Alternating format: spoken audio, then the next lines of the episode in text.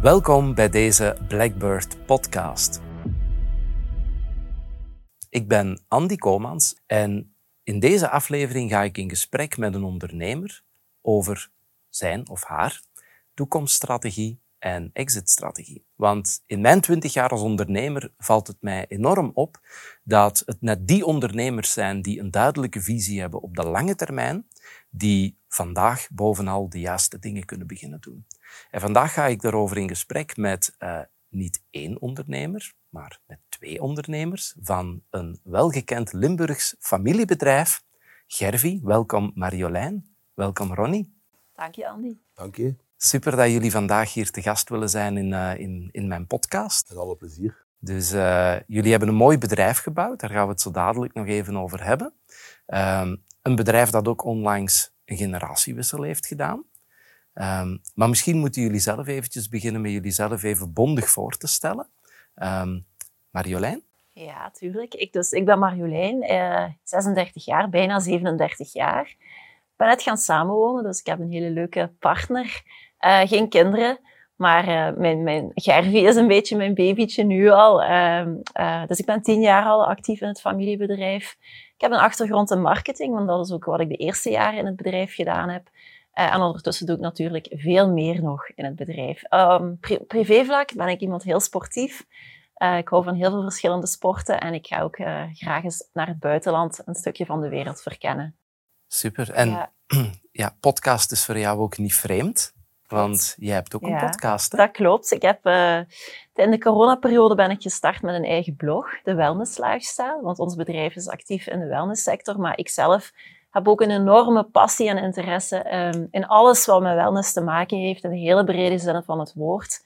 Body, mind en soul. Eigenlijk alles wat daarmee uh, mee te maken heeft. Dus ik ben een blog gestart en daar is ook een podcast uit voortgevloeid bijna twee jaar nu al ga ik uh, maandelijks in gesprek met een gast. En gaat het ook over wellness, ook in de brede zin van het woord. Het kan gaan over fysieke wellness, mentale wellness.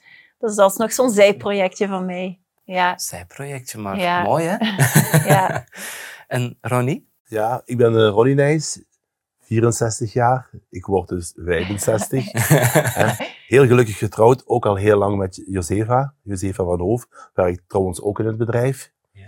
En uh, ja, maar, dat wil ik er toch bij zeggen. Mijn diploma is, uh, is onderwijzer. En ik heb eigenlijk één jaar het eerste studiejaar gedaan. Dus uh, dat was ook een hele ervaring. Maar in de begin jaren tachtig was het geen makkelijke tijd om in het onderwijs te kunnen starten. Dus ik viel al snel zonder werk, voornamelijk in september. En toen ben ik begonnen in een expeditiebedrijf. En de rode draad daarvan is dat ik uh, paar, paar, tien jaar in een expeditiebedrijf gewerkt heb. Maar Gert was altijd een rode draad, dus die was altijd klant bij ons. En uh, het laatste jaar dus, ben ik in het gesprek gekomen met de eigenaar. En heb ik in 94 een, een participatie gedaan in het bedrijf. En in 98 de, eigenlijk de overname. En dus ben ik sinds 98 fulltime ondernemer.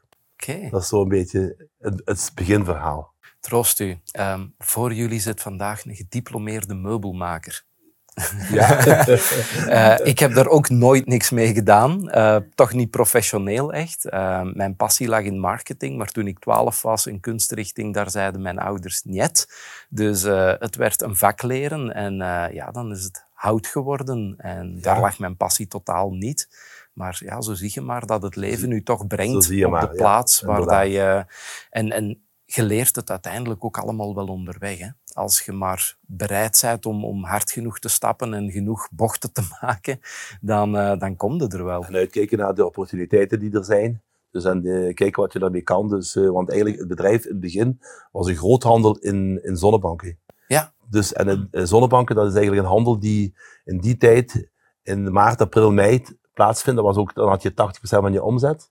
Ja. En de rest van het jaar moest je maar kijken, wat gaan we doen? De wellnessproducten waren aanwezig sinds midden jaren 80, maar is heel minimaal. Ja. Dus uh, ons hoofdproduct Hotspring heb, zijn we distributeur uh, voor België Nederland sinds 84 en Klaus sinds 88. Dus onze twee steunpilaren die waren wel al aanwezig toen ik startte, maar minimaal. En, en toen jij het bedrijf ooit hebt overgenomen, Ronnie, um, hoe groot was het bedrijf toen en hoe is dat dan exact gebeurd? Uh, heb jij het meteen volledig overgenomen, bedoel ik daarmee? Of hoe? toen ik eh, participeerde in 94 was de bedoeling om, om een, eh, eh, hadden we een, een, gezamenlijke, visie om een overname in 10 jaar te realiseren. Maar eh, dus, eh, 95 was een superjaar. Ik was, ik, die zonnebanken die zeiden mij niet veel, maar de wellness wel. Dus eh, ik werkte daar keihard aan en eh, dat, dat liep ook goed. Dus we hadden een topjaar in 95. Maar 96, 97 waren veel mindere jaren.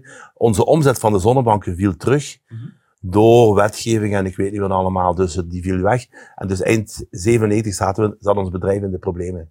Dus dan toen het verhaal van de twee eh hanen op één meststop, zeggen ze dat wel een keer graag bij ons.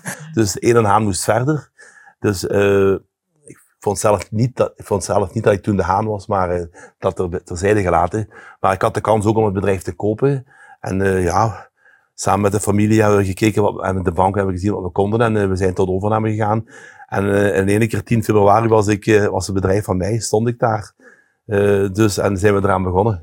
En daarvoor, want toen participeerde, dus je was al aandeelhouder. Was dat voor een meerderheid of een minderheid? Dat was een, een eh, minderheid. Ja. minderheid was 25 procent. Oké. Ja, 25 procent. En eh, ja, dus we zijn goed in elkaar gegaan. Ik, eh, ik heb hem nog, eh, allee, we, ken- we kennen elkaar nu nog, dus eh er zijn geen problemen. Er zijn geen problemen geweest. Maar ik heb dus het, het bedrijf een heel andere wending gegeven toen dat wel. Ja. ja. En hoe groot was het bedrijf op het moment dat jij het in handen kreeg volledig? Als ik dat nu mag vergelijken, denk ik dat we, ja, dat toen, eh, laten we zeggen, eh ups, laten we even zien, 15 keer kleiner was. Want nu zijn jullie met ongeveer een zestigtal mensen, Ja, we waren toen met vijf mensen Ja. op kantoor. Ik ben heel blij dat die er nog allemaal zijn, behalve één persoon die met pensioen is. Dus die zijn er nog. Ja. Kunnen er dat zijn? En die zijn jonger dan mij, dus, eh, dus die gaan nog wel wat Ja. blijven. Dus die ook, eh, als we dan inderdaad de overname gaan doen, dat die ook ter steun van Marjolein er zijn. Dat is toch wel belangrijk, heel veel ervaring. Iemand op kantoor en iemand in techniek en, eh, en- andere dingen. Dus, eh, en omzetmatig was dat ook ongeveer een, een, vijftiental, een vijftiental keren kleiner.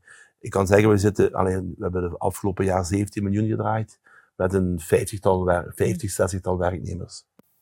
Ja, Gervi is vandaag een hele gekende naam in de markt waar dat jullie in actief zijn. Hè. Ik denk dat jullie ook... Ik ken natuurlijk het bedrijf Gervi ook al langer, hè, want wij hebben al een langer professionele samenwerking gehad, hè, Marjolein.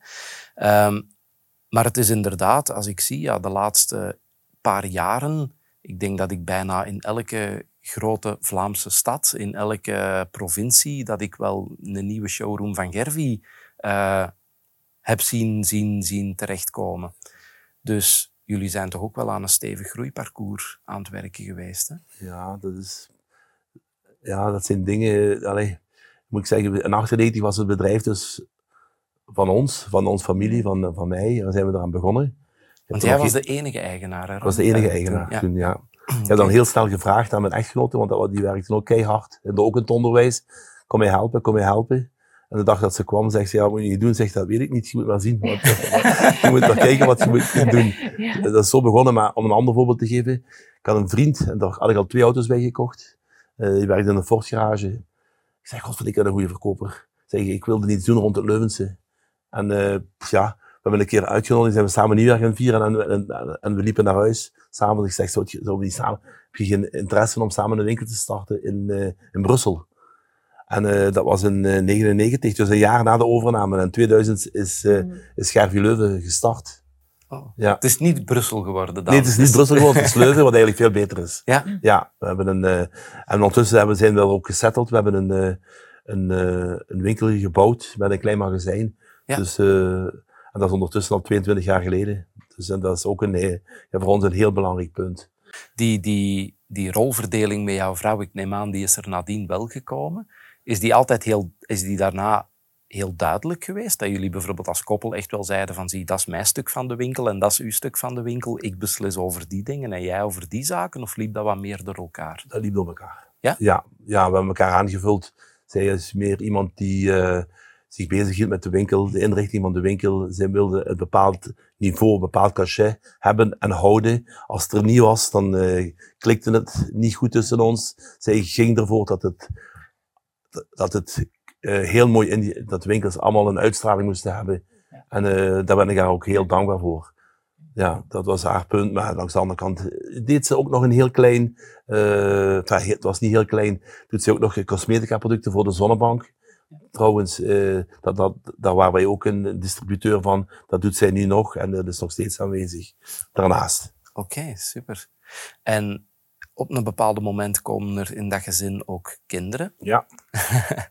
en twee. twee, want Marjolein, jij hebt nog een zus, als ik het goed heb. Ja, ja, vijf jaar jonger dan ik.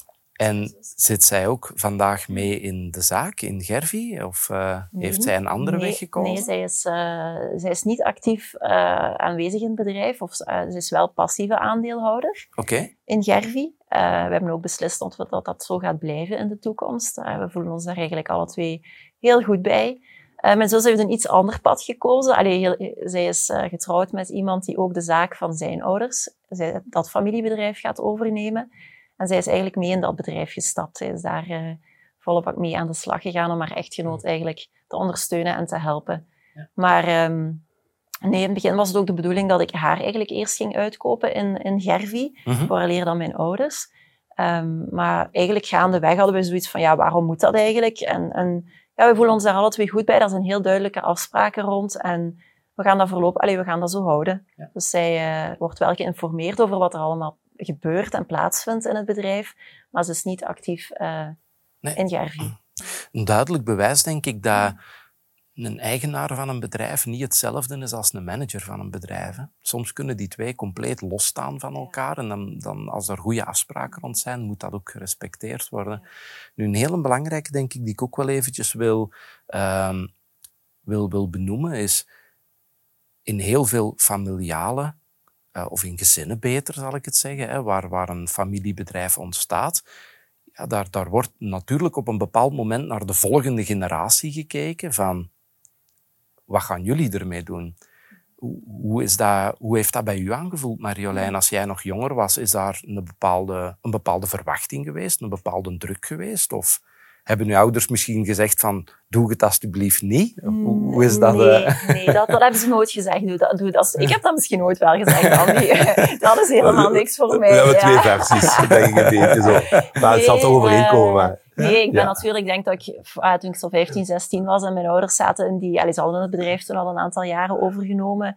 Uh, dat waren hele uitda uitdagende, drukke jaren. En um, Allee, ik was dan nog een jonge, rebellerende puber, zal ik het zo zeggen, thuis. En uh, ik vond dat toen op dat moment, moment misschien niet altijd even leuk, want ik, uh, dat mijn ouders er ja, ook niet zo heel veel ja, waren. Ze waren natuurlijk heel veel bezig met dat bedrijf en ik voelde ook wel die uitdaging dat ze daarvoor gingen. En ik had, had daar op dat moment helemaal geen interesse in. Mm -hmm. um, en toen had ik wel zo, ik zag hoe hard en hoe vaak ze moesten werken en hoe lange uren. En ik had zoiets van, oh my god, dat wil ik nooit voor mezelf. Um, maar ja, uiteindelijk word je dan ouder, je gaat verder studeren. Ik ben dan ook economie gaan studeren. Ik heb mij uh, verder gespecialiseerd in marketing. Ik heb eerst een aantal andere jobs gedaan, um, voor een aantal mensen ge gewerkt, waar ik heel blij mee ben, want ik heb daar enorm veel uit geleerd uit die ervaringen. Uh, en dan toch op een gegeven moment, ik heb dan ook wel vakantiewerk gedaan in het bedrijf, Um, dat, mijn, dat ik toch voelde, dat was zowel mijn mama als mijn papa, die zo aan mijn mouw trokken van, hey, en ik zie dat je, je, doet dat, je doet dat goed met die marketing en wij zoeken eigenlijk wel een profiel zoals u en uh, kom een keer, we gaan binnenkort een leverancier bezoeken. Dat was dan in Miami, kom eens mee. Ik had zoiets van, oh ja, Miami, leuk. Dat heeft het gedaan. ja.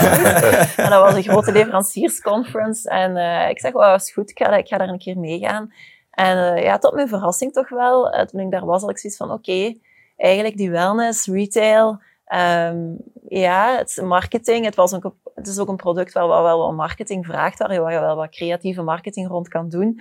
Dat ik toch zoiets had van, ja, eigenlijk, ik woonde en werkte op dat moment in Brussel. Ja. En ik heb dan eigenlijk vrij snel beslist van, goed, ik ga dat Brussel-verhaal stopzetten en ik ga terug naar Limburg keren en ik ga startend familiebedrijf, zonder dat ik dat op, op dat moment echt een heel concreet plan had van, ik ga dat bedrijf overnemen of zo. Ik had zo gewoon zoiets van, ik was toen 27, ik ga dit een kans geven.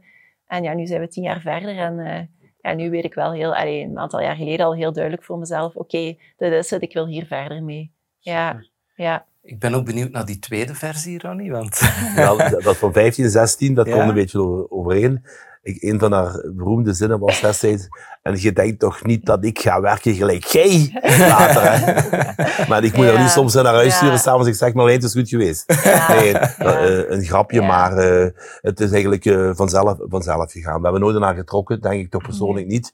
Eh, denkt, allee, ofwel denkt je iets af, ofwel heb je het geluk. Ik had het geluk dat mijn op een bepaald moment zei, eh, papa, ik ben er klaar voor, ik wil graag komen. Want wij zaten qua marketing nog steeds met de oude principes van eh, in de boekjes staan, de beurzen, open deurdagen. En de hele, alles wat we probeerden naar social media toe, dat mislukte. Dan kregen we, dan, dan sloot die contracten af. En eh, zonder resultaat. Dus eh, die, dat waren allemaal de eerste bedrijven die van alles beloofden en daar niks van kwam. Dus hij is op, de, op het juiste moment gekomen om, het- om de, aan de marketing een nieuwe schwung te geven, laten we zeggen, en het bedrijf weer eh, verder te leiden. En zo is het langzaam gegaan, tot ja, nu tien jaar later. Ik moet eerlijk zeggen, die tien jaar zijn omgevlogen. Maar eh, nog één, we hebben beslist om eh, vijf jaar geleden om samen op kantoor te zitten. Dus we zitten, zoals we nu zitten, zitten we ook op kantoor. Dat is de afstand tussen ons. Dus eh, hier staan ons schermen. Ja. En eh, ik hoor wat zij doet. En zij hoort wat ik doe. En eh, ja, en, eh, allemaal een functie van ja, een overdracht. En daar zijn we vijf jaar geleden ook aan gestart. Mhm. Via, via een externe firma, dus Deloitte hebben we mee ingeschakeld. In eerste instantie om, ja, maar we zijn wel, allee, mevrouw Joseph en ik, we zijn wel veel weg. Ja. En eh, ja, je moet niet, niet blind zijn dat er niks kan gebeuren. Dus we dachten, ja, kijk, als er iets moest gebeuren, wat gaan de kinderen dan, eh allee, wat gaan ze dan allemaal eh, aan de hand hebben en zo. Dus in eerste instantie hebben we daar advies gevonden uh, naar successierechten en, enzovoort. En, en verdeling van, van de aandelen, wat we toen ook al gedaan hebben, vijf jaar geleden. Dat was eigenlijk ook de eerste aanzet, maar dan, dan is het natuurlijk ook, dan komt het, het einde ook in, in zich, dat is ook gemakkelijk, want anders ga je nooit eindigen, denk ik. Hè? Want dat is het makkelijkste. Ik ben, ik ben zelfstandig geworden om op mijn vijftigste op pensioen te gaan, dus dat is ook niet gelukt. Dus hè, hè, als, als, als, je er, als je ermee bezig bent, dan gaat het nooit lukken. Dus je moet ergens dingen doen. En hoe korter we erbij komen, 65, uh, dan, uh, ik plan nu dingen en het uh, gaat gewoon gebeuren. Ja, ja. Ik heb de datum ik vastgelegd, dus dat, dat, is allemaal, dat ligt vast. Oké, okay. ja. dat is allemaal gepland. Dat is allemaal gepland, ja. Ik herinner mij nog in het begin, Marjolein, inderdaad dat jij bij Gervie gestart bent. Je bent binnengekomen als werknemer. Klopt, ja. Um, de dochter van. Mm -hmm. En gaandeweg groei je dan door naar eerst een stukje ook een managementfunctie, hè? want ik heb jou, jouw functietitel door de jaren heen elke keer onderaan zien veranderen. Um, wordt dat een managementrol en nu gaat dat naar eigenaar van het bedrijf. Um, hoe voelt dat? Of, of hoe heb je dat misschien zelf ook aangevoeld naar de mensen in het bedrijf toe? Hè? Ik hoor Ronnie graag zeggen, hè, daar zijn mensen die daar al rondlopen sinds dat ik de zaak ooit heb opgenomen. Ja, dan, dan zie je toch dat dat heel sterk twee kanten kan uitgaan. Hè? Je hebt teams waar dat dan de jonge generatie binnenkomt en dat wordt onmiddellijk een strijd tussen de anciens. Ja, maar ja. Mm -hmm. Ja dat jong manneken of dat jong meisje moet het hier nu niet tegen mij komen uitleggen. En in andere bedrijven zie je dan dat dat helemaal de andere kant uitdraait en dat er wel heel veel steun is. Maar hoe heb je dat zelf aangepakt? Uh, nu, bij mij is het natuurlijk een heel natuurlijk proces geweest. En ik ben ook heel dankbaar dat ik daar ook zo de tijd voor heb gehad. Dat het niet van de ene dag op de andere was. Hè. Dat je soms in noodsituaties ziet dat de ene weg moet en dan hè, de andere persoon kan opstarten. Ik heb eigenlijk tien jaar de tijd gehad om ook in die rol te groeien. Want toen ik arriveerde was ik 27. Ik had zelf absoluut niet zoveel managementervaring. Ik was zelf altijd uh, werknemer geweest. Dus ik ben, ik ben heel geleidelijk aan zelf ook in die rol uh, gegroeid door, ja, door gewoon alle ervaringen die je opdoet op de werkvloer, maar ook door training, hè, door mij correct te laten begeleiden en, en mentors enzovoort. Ik, uh, allee, ik heb daar ook wel echt in, in geïnvesteerd om in die rol te groeien. Waardoor het nu op dit moment voor mij heel natuurlijk aanvoelt. Uh, dus ik, ben, ik voel, ik ben er klaar voor. het moment is aangebroken. Ik voel mezelf zeker in die rol nu ook. Um, hoe, hoe, hebben de mensen in het bedrijf daarop gereageerd? Um, naar mijn gevoel, um, ja, mijn vader en ik, we zijn, hoewel ik zijn dochter ben, we zijn natuurlijk twee verschillende persoonlijkheden ook. We hebben eigenlijk onze eigen leiderschapsstijl ook, onze manier van samenwerken met mensen. En uh, in het begin, toen ik net startte, had ik zo heel sterk het idee van, ah, ik keek dan naar papa en ik dacht van, oké, okay, ik, ik moet het zo doen, ik moet het misschien zelfs een beetje gaan kopiëren. Wat je natuurlijk geleidelijk aan ondervindt dat het zo helemaal niet werkt. Ik ben wie ik ben, hij is wie hij is. En uh, we zijn ook heel compatibel, denk ik. Allee, dus wat, wat de voorbije tien jaar een heel fijne samenwerking heeft kunnen laten plaatsvinden. Um, maar nu voel ik wel, oké, okay, ik wil er ook zo mijn een draai aan geven. En uh, natuurlijk heb je in het bedrijf een groep mensen die daar misschien al wat meer voor staan te springen en anderen misschien een beetje minder. Maar ja, goed. Um, ik ben iemand, uh, allee, ik wil met iedereen heel graag in gesprek gaan. En, en, maar met de tijd heb ik ook wel geleerd van goed, ga ook voor de dingen zoals jij ze ziet. En, en ga voor jouw visies. En ja, je, kunt nooit echt iedereen heel gelukkig maken, maar dat moet ook niet. Dus uh, als de meerderheid van de mensen al mee is in het verhaal, dan, dan ben ik al heel gelukkig. Absoluut, absoluut. Ja. Als je, bij ons werd dat wel eens vroeger gezegd van als je een job wilt waarbij dat je iedereen gelukkig wilt maken, dan moet je niet gaan ondernemen. dan moet je crème galas gaan verkopen. En dan nog zullen er mensen zijn die je niet gelukkig kunt maken. Maar uh, ja, ik vind dat wel een mooi tracé. Ja, ik heb het van op een afstand ook een stuk mee kunnen volgen. En, en dat is ook de reden dat ik jullie uh, echt wel graag ook in deze podcast wilde hebben. Ook omdat ik denk dat, dat jullie heel open ook gecommuniceerd hebben, heel snel in het proces over die generatiewissel. Um, pik even in op wat Ronnie daar straks zei, van ja, um, op een bepaald moment begint u die vraag te stellen van ja, wat als wij morgen iets voorkrijgen, want dan staat hier wel een bedrijf, hè, 15 of 17 miljoen omzet. Um, dat bedrijf is geen 5 euro waard. Um, we zitten hier in België met iets dat noemt erfbelasting en, en noem maar op. Dus dat zijn toch wel zaken waar je goed moet regelen. En ja, ik stel toch heel vaak vast dat veel ondernemers daar gewoon niet mee bezig zijn. Ze zijn gefocust op hun nu, hun vandaag. En we zien wel als er ooit iets gebeurt. Wat was zo voor u als je nu uit, uit de dingen, hè, want je zei u op een bepaald moment gaan informeren dan komen er ineens allemaal bepaalde waarheden op u af waar je misschien nog niet bij hebt stilgestaan. Wat was daar zo voor u het, het grootste aha-moment dat je zegt van ja, daar had ik nu nooit aan gedacht dat dat op die manier werkte, maar dit is wel iets waarom dat je daar aandacht voor moet hebben?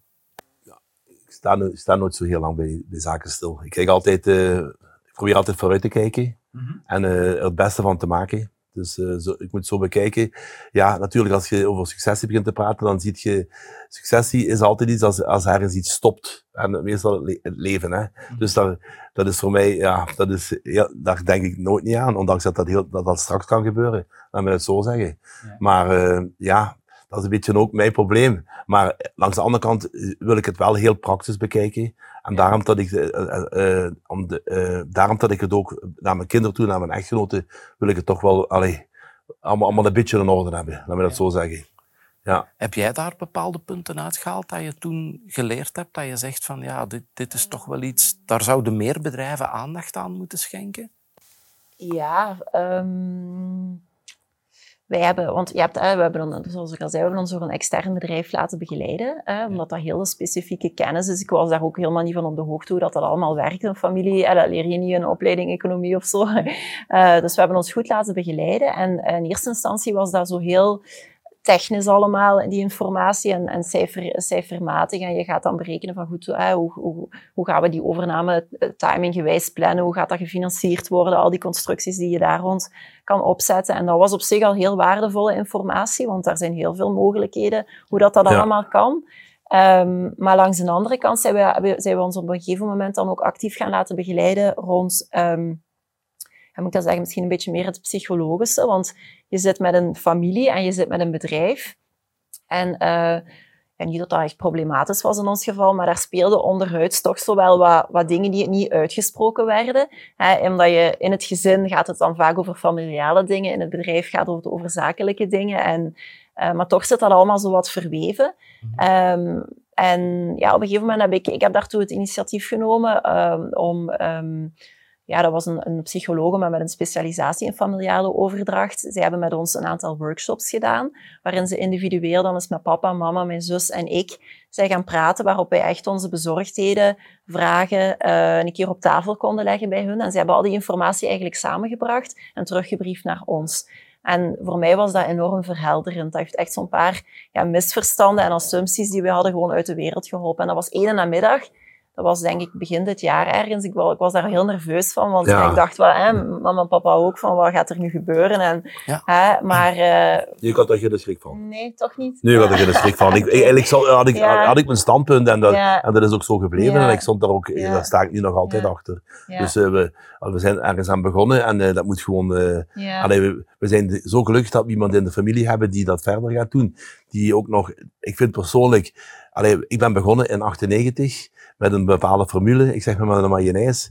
Hè, van uh, organisatoren. We zijn gegroeid, maar om alles, ik, het, het, kwam altijd van de mensen zelf uit. We hadden geen, onze organisatoren zijn we eigenlijk ons, ons te boven gegroeid, laat ik dat zo zeggen. Het was eigenlijk tijd dat er iemand komt die qua competentie, eh, ja, moet ik eerlijk zeggen, ja, heel goed is kunt, kan, uh, en ook nog uit de eigen familie. En ook organisatorisch veel sterker is. En uh, ons bedrijf heeft nood aan een, nieuwe, aan een sterke organisatie. Ook omwille omdat we zo groot geworden zijn. is iets wat ik vaak wel zeg als ik met ondernemers praat. Dus van kijk, in de grote bedrijven is, is CEO altijd een tijdelijk contract. In veel grote bedrijven zelfs maar vijf of zeven jaar.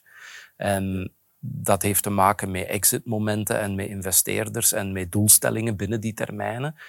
Maar als dat de realiteit is voor een groot bedrijf, hoe zou het dan kunnen dat een ondernemer met een KMO gemaakt is om heel zijn leven lang aan het roer te staan van één bedrijf? Je kunt niet altijd de juiste leider zijn voor elke fase. En, en dat is wel mooi om te horen dat jullie daar echt wel ja, geleidelijk aan jullie weg in gezocht hebben als familie. Um, ook misschien nog eventjes in, in jouw richting, Marjolein. Um, dat psychologische. Ik, ik ben heel blij dat je daar die connectie naar maakt. Ja, ik stel heel vaak vast bij familiebedrijven is het gewoon nog allemaal veel meer beladen, omdat je aan de ene kant in een gewoon bedrijf is het al een enorme rollercoaster als je een bedrijf gaat verkopen. Uh, emotioneel, dat doet iets. Ja, het zou raar zijn, moest dat niet zijn. Het is voor veel ondernemers de grootste financiële transactie en de grootste shift in hun leven die ze maken ja, als, als, het zou raar zijn, moest dat niet iets doen aan de binnenkant van uw mens. Maar bij een familie zit er natuurlijk wel mee het feit dat je aan de ene kant heel harde gesprekken moet kunnen voeren, terwijl aan de andere kant uh, zit je natuurlijk met het feit dat je ook nog op elkaars gezicht moet kunnen kijken bij het volgende kerstfeestje.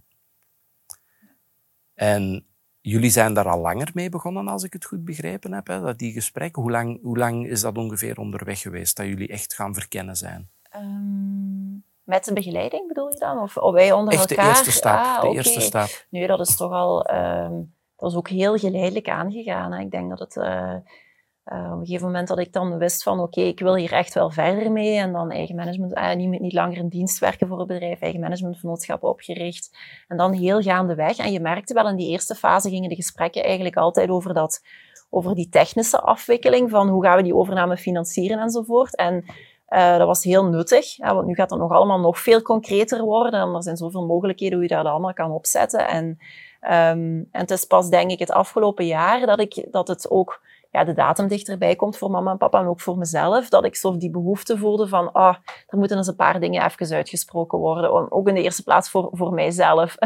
en... Uh, en je zou dan wel kunnen zeggen, allee, waarom moet je daar iemand extern bij halen? Ga gewoon met je vieren aan die keukentafel thuis in, de familiewoning zitten en zo. Maar dat was het zo net niet. Ik, ik, voelde door daar zo even extern iemand bij te halen, dat het, uh, ja, dat er gewoon beter op tafel gelegd kan worden wat er echt gezegd moet worden. En ook een zekere ja, objectiviteit komt zo. Haalt er het gevoel en de emotie, die beladenheid waar jij het over hebt, er zo wat uit. Ja, en, ja je moet het objectief maken. Maak het ook duidelijker voor, ja. uh, allee, voor, uh, voor, voor, mama en voor Charlotte. Hè. Er zijn nadien ook een paar communicatieafspraken rondge rondgemaakt. Want papa en ik bijvoorbeeld, wij communiceren ja, dag dagelijks. We zitten langs elkaar op kantoor met mijn zus, passieve aandeelhouder, mijn mama die met andere dingen in het bedrijf bezig was, die wisten daar eigenlijk allemaal niet zoveel over. Terwijl die wel enorm betrokken waren daarbij. Dus sindsdien is er ook meer, veel meer communicatie. Dus dat is ook een positief gevolg dat daar dus voortgevloeid. Ja. Is er iets dat je kan zeggen over hoe dat je dan daadwerkelijk de transactie hebt aangepakt? Met op welke manier dat je het effectief aan het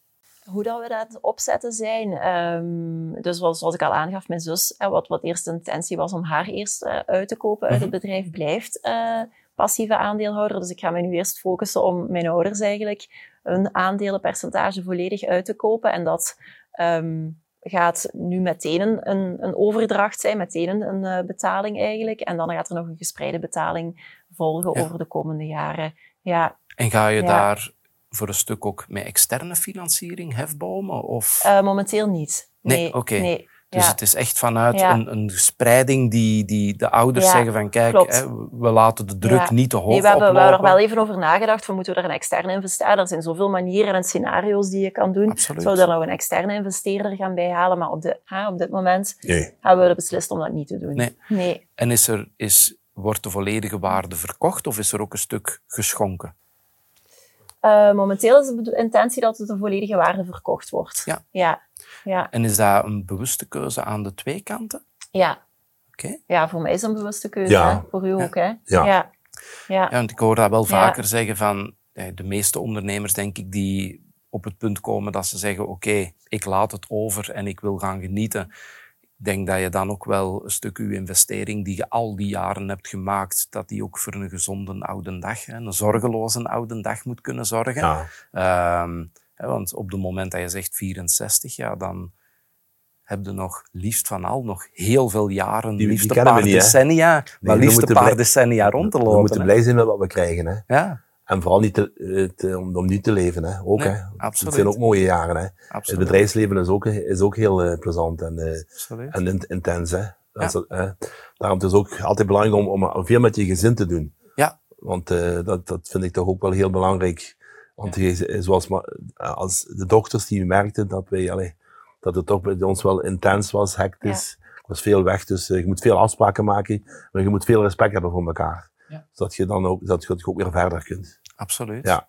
En, en aan de kant van ja, degene die het dan overneemt, ja, als je de prijs betaalt, Ja. ja, dan, dan heb je de prijs ook betaald. Hè. Je bent door de modder gegaan en, en alles Ja. wat daarna komt, daar heb je zelf ook voor gevochten en voor gewerkt. Hè. Dus eh, mooi. Ehm Ronnie, misschien nog een eh, laatste vraag naar jou toe. Binnenkort 65, die overname is rond. Wat dan? Wel, daar hebben we ook al, al over gesproken. Dus eh, ehm, ja. Ik denk toch dat ik af en toe eens moet komen kijken, maar, toch niet, maar, niet te- maar zeker Nee. niet te veel. Ik heb het alle vertrouwen erin. Ja. Ik kan me wel nog wel nuttig maken op bepaalde punten. Laat, eh, ik kan zeker het interesse blijven behouden in de hele sector. Eh, we krijgen misschien wat meer tijd eh, voor, voor de hobby's. Dus het- ik, fiets, ik fiets heel graag. we gaan graag op vakantie. We gaan graag mooie wandelingen maken. Dus het zijn, eh, wat meer tijd krijgen daarvoor, langzaamaan. Maar ik zie dat niet eh, van dag, eh, dag A op dag B eh, starten, maar eh daar gaat zeker, omdat die ver- hele verantwoordelijkheid wegvalt, zal daar zeker meer tijd voor komen. Oké. En Marjolein, bij, bij u, want ja, ondertussen 36. Ehm, er loopt nog geen derde generatie rond. Nee. Ja, met mijn zus. eh, weet. Ja, daar wel. Zij heeft al twee zoontjes, dus eh, ja. Oké. ja. En bent je daar zelf, allee, op nog heel jonge leeftijd natuurlijk, maar bent je daar zelf ook al een beetje mee bezig? Van ja, wat ooit naar, ik weet niet, ja. is er een kinderwens? Dat is Eh, misschien nee, heel direct nee, vraag. er is maar- geen kinderwens. Er is Nee? geen kinderwens. Nee. Nee, ehm, nee, mijn eigen ja, plannen nu. Ik ben, ben daar nog niet mee bezig. hè. Ik ben, eh, Alhoewel ik wel bezig ben met de toekomst, dan ook lange termijn. Het is niet alleen maar dat ik denk aan volgend jaar of zo. Ehm, maar ik heb nu zoiets van: oké, ik ga nu het bedrijf overnemen. En mijn intentie is natuurlijk om er eh, sowieso een heel aantal jaren mee verder te gaan. En het, het, eh, ik heb nog heel veel ideeën die ik graag wil uitvoeren. En, en ja, manieren dat ik het bedrijf graag zou willen zien evolueren en waar ik wil graag dat het naartoe gaat. En daar wil ik nu echt volle bak voor gaan om, om die, dat tot realiteit te brengen. En ehm, nee, ja, ehm, hoe mijn toekomst er dan precies nog gaat uitzien, eh, dat, dat, ja, momenteel is dat maar één ding, dat is, Ger- dat is Gervie en, en leuk privéleven natuurlijk ook. Eh, Ja. Maar ik ben nog niet bezig met, met daarna. Nee, Oh. nee. Misschien Ja. nog één, één Ja. allerlaatste vraag om, eh, om, om het gesprek af te ronden. Ehm, dat is een, een vraag die ik wel vaker stel in deze podcast. Is waarom is het volgens jou belangrijk, in ene zin of in één duidelijk punt, waarom is het volgens u belangrijk dat een ondernemer zijn focus ook legt op die verdere toekomst, op dat lange termijnverhaal, eerder dan gewoon gefocust te zijn op de operationele shit van vandaag. Wat is daar volgens jou het belangrijkste punt in? Ja, ze zeggen zo wel eens van, je moet als, als uh, leiding, leider van je bedrijf, moet je werken aan je bedrijf en niet werken in je bedrijf. Um, daar komt het volgens mij op neer. En, en ja, je, je, je moet, allee, denk ik, een goed team rondom je uh, bouwen dat, allee, dat dat heel goed werkt in een bedrijf, zodat jij als eigenaar, ondernemer kan denken aan de lange termijn en bouwen aan je bedrijf. En ja, gelukkig is dat ook hetgene dat ik het allerliefste doe. Dus ja. ik zit uh, in, in, de juiste positie dan. Ja. Oké, top. Ronnie, voor jou nog eventjes dezelfde vraag. Waarom is het belangrijk om een focus te hebben op lange termijn? Wel, om, uh, om, omdat je toch, uh, allee, je moet een visie hebben en die moet je, die moet je uh, proberen te bereiken. Natuurlijk, uh, de markt die kan heel snel veranderen. Dat, dat, zien, dat hebben we nu met corona gezien. Dus soms is het ook interessant om op korte termijn heel snel beslissingen te nemen. Maar altijd, je focus moet altijd op lange termijn zijn. Ja, ja. absoluut. Ronnie, Marjolein, ik wil jullie enorm bedanken voor dit uh, zeer fijne en open gesprek. Um, en, en, om ons allemaal een blik te geven aan wat er zich afspeelt binnen een familiebedrijf nadat er uh, een generatiewissel uh, of zodra dat die op, uh, op punt komt en hoe dat je daar als familie mee kunt omgaan op een goede manier. Ik ga eventjes afscheid nemen van de kijkers en de luisteraars en dan kom ik zo dadelijk bij jullie terug. Dus beste kijkers, beste luisteraars, dit is alweer het einde van deze aflevering van de Blackbird podcast. Um, het is misschien het einde van dit gesprek, maar het is ongetwijfeld ook de volgende stap in jouw toekomst als ondernemer.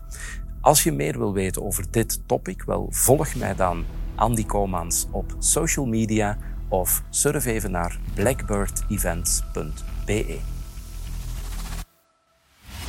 8 op 10 ondernemers met een succesvolle KMO slagen er nooit in om zichzelf los te koppelen van hun bedrijf. Hoe zit dat bij u? Door als ondernemer te blijven vasthangen in het operationeel besturen van uw bedrijf, zult gij nooit die cruciale sprong maken naar het investeerder ondernemerschap. En dat kost u veel meer dan je zou denken. Zoals op tijd uw verantwoordelijkheden delegeren of een managementteam installeren. Op een juiste manier omgaan met financieringshefbomen of kapitaal ophalen. Uw ondernemersrisico managen of het aandeelhouderschap in uw bedrijf versterken. Of overnames doen via een buy-and-build strategie of zelf uw gouden kans missen op het moment dat je zou moeten overlaten. Deze kennis moet je jezelf als ondernemer zo snel mogelijk eigen maken. Vanaf het moment dat je iets begint op te bouwen dat groter is dan uzelf. En daar ga ik u, samen met onze gastdocenten, bij helpen via onze Blackbird Business Classes. Intensieve begeleidingstrajecten van vijf dagen tot meer dan een jaar. Specifiek op maat voor de KMO-ondernemer waarbij we u heel diepgaande kennis meegeven, maar we ook tegelijkertijd samen de strategie zullen uitwerken voor uw bedrijf. We begeleiden u concreet bij de implementatie van de volgende grote challenge die jij wilt tackelen binnen uw bedrijf. Heb ik uw nieuwsgierigheid gewekt? Wel, neem dan zeker een kijkje op onze website blackbirdevents.be en dan zien we elkaar misschien wel heel binnenkort.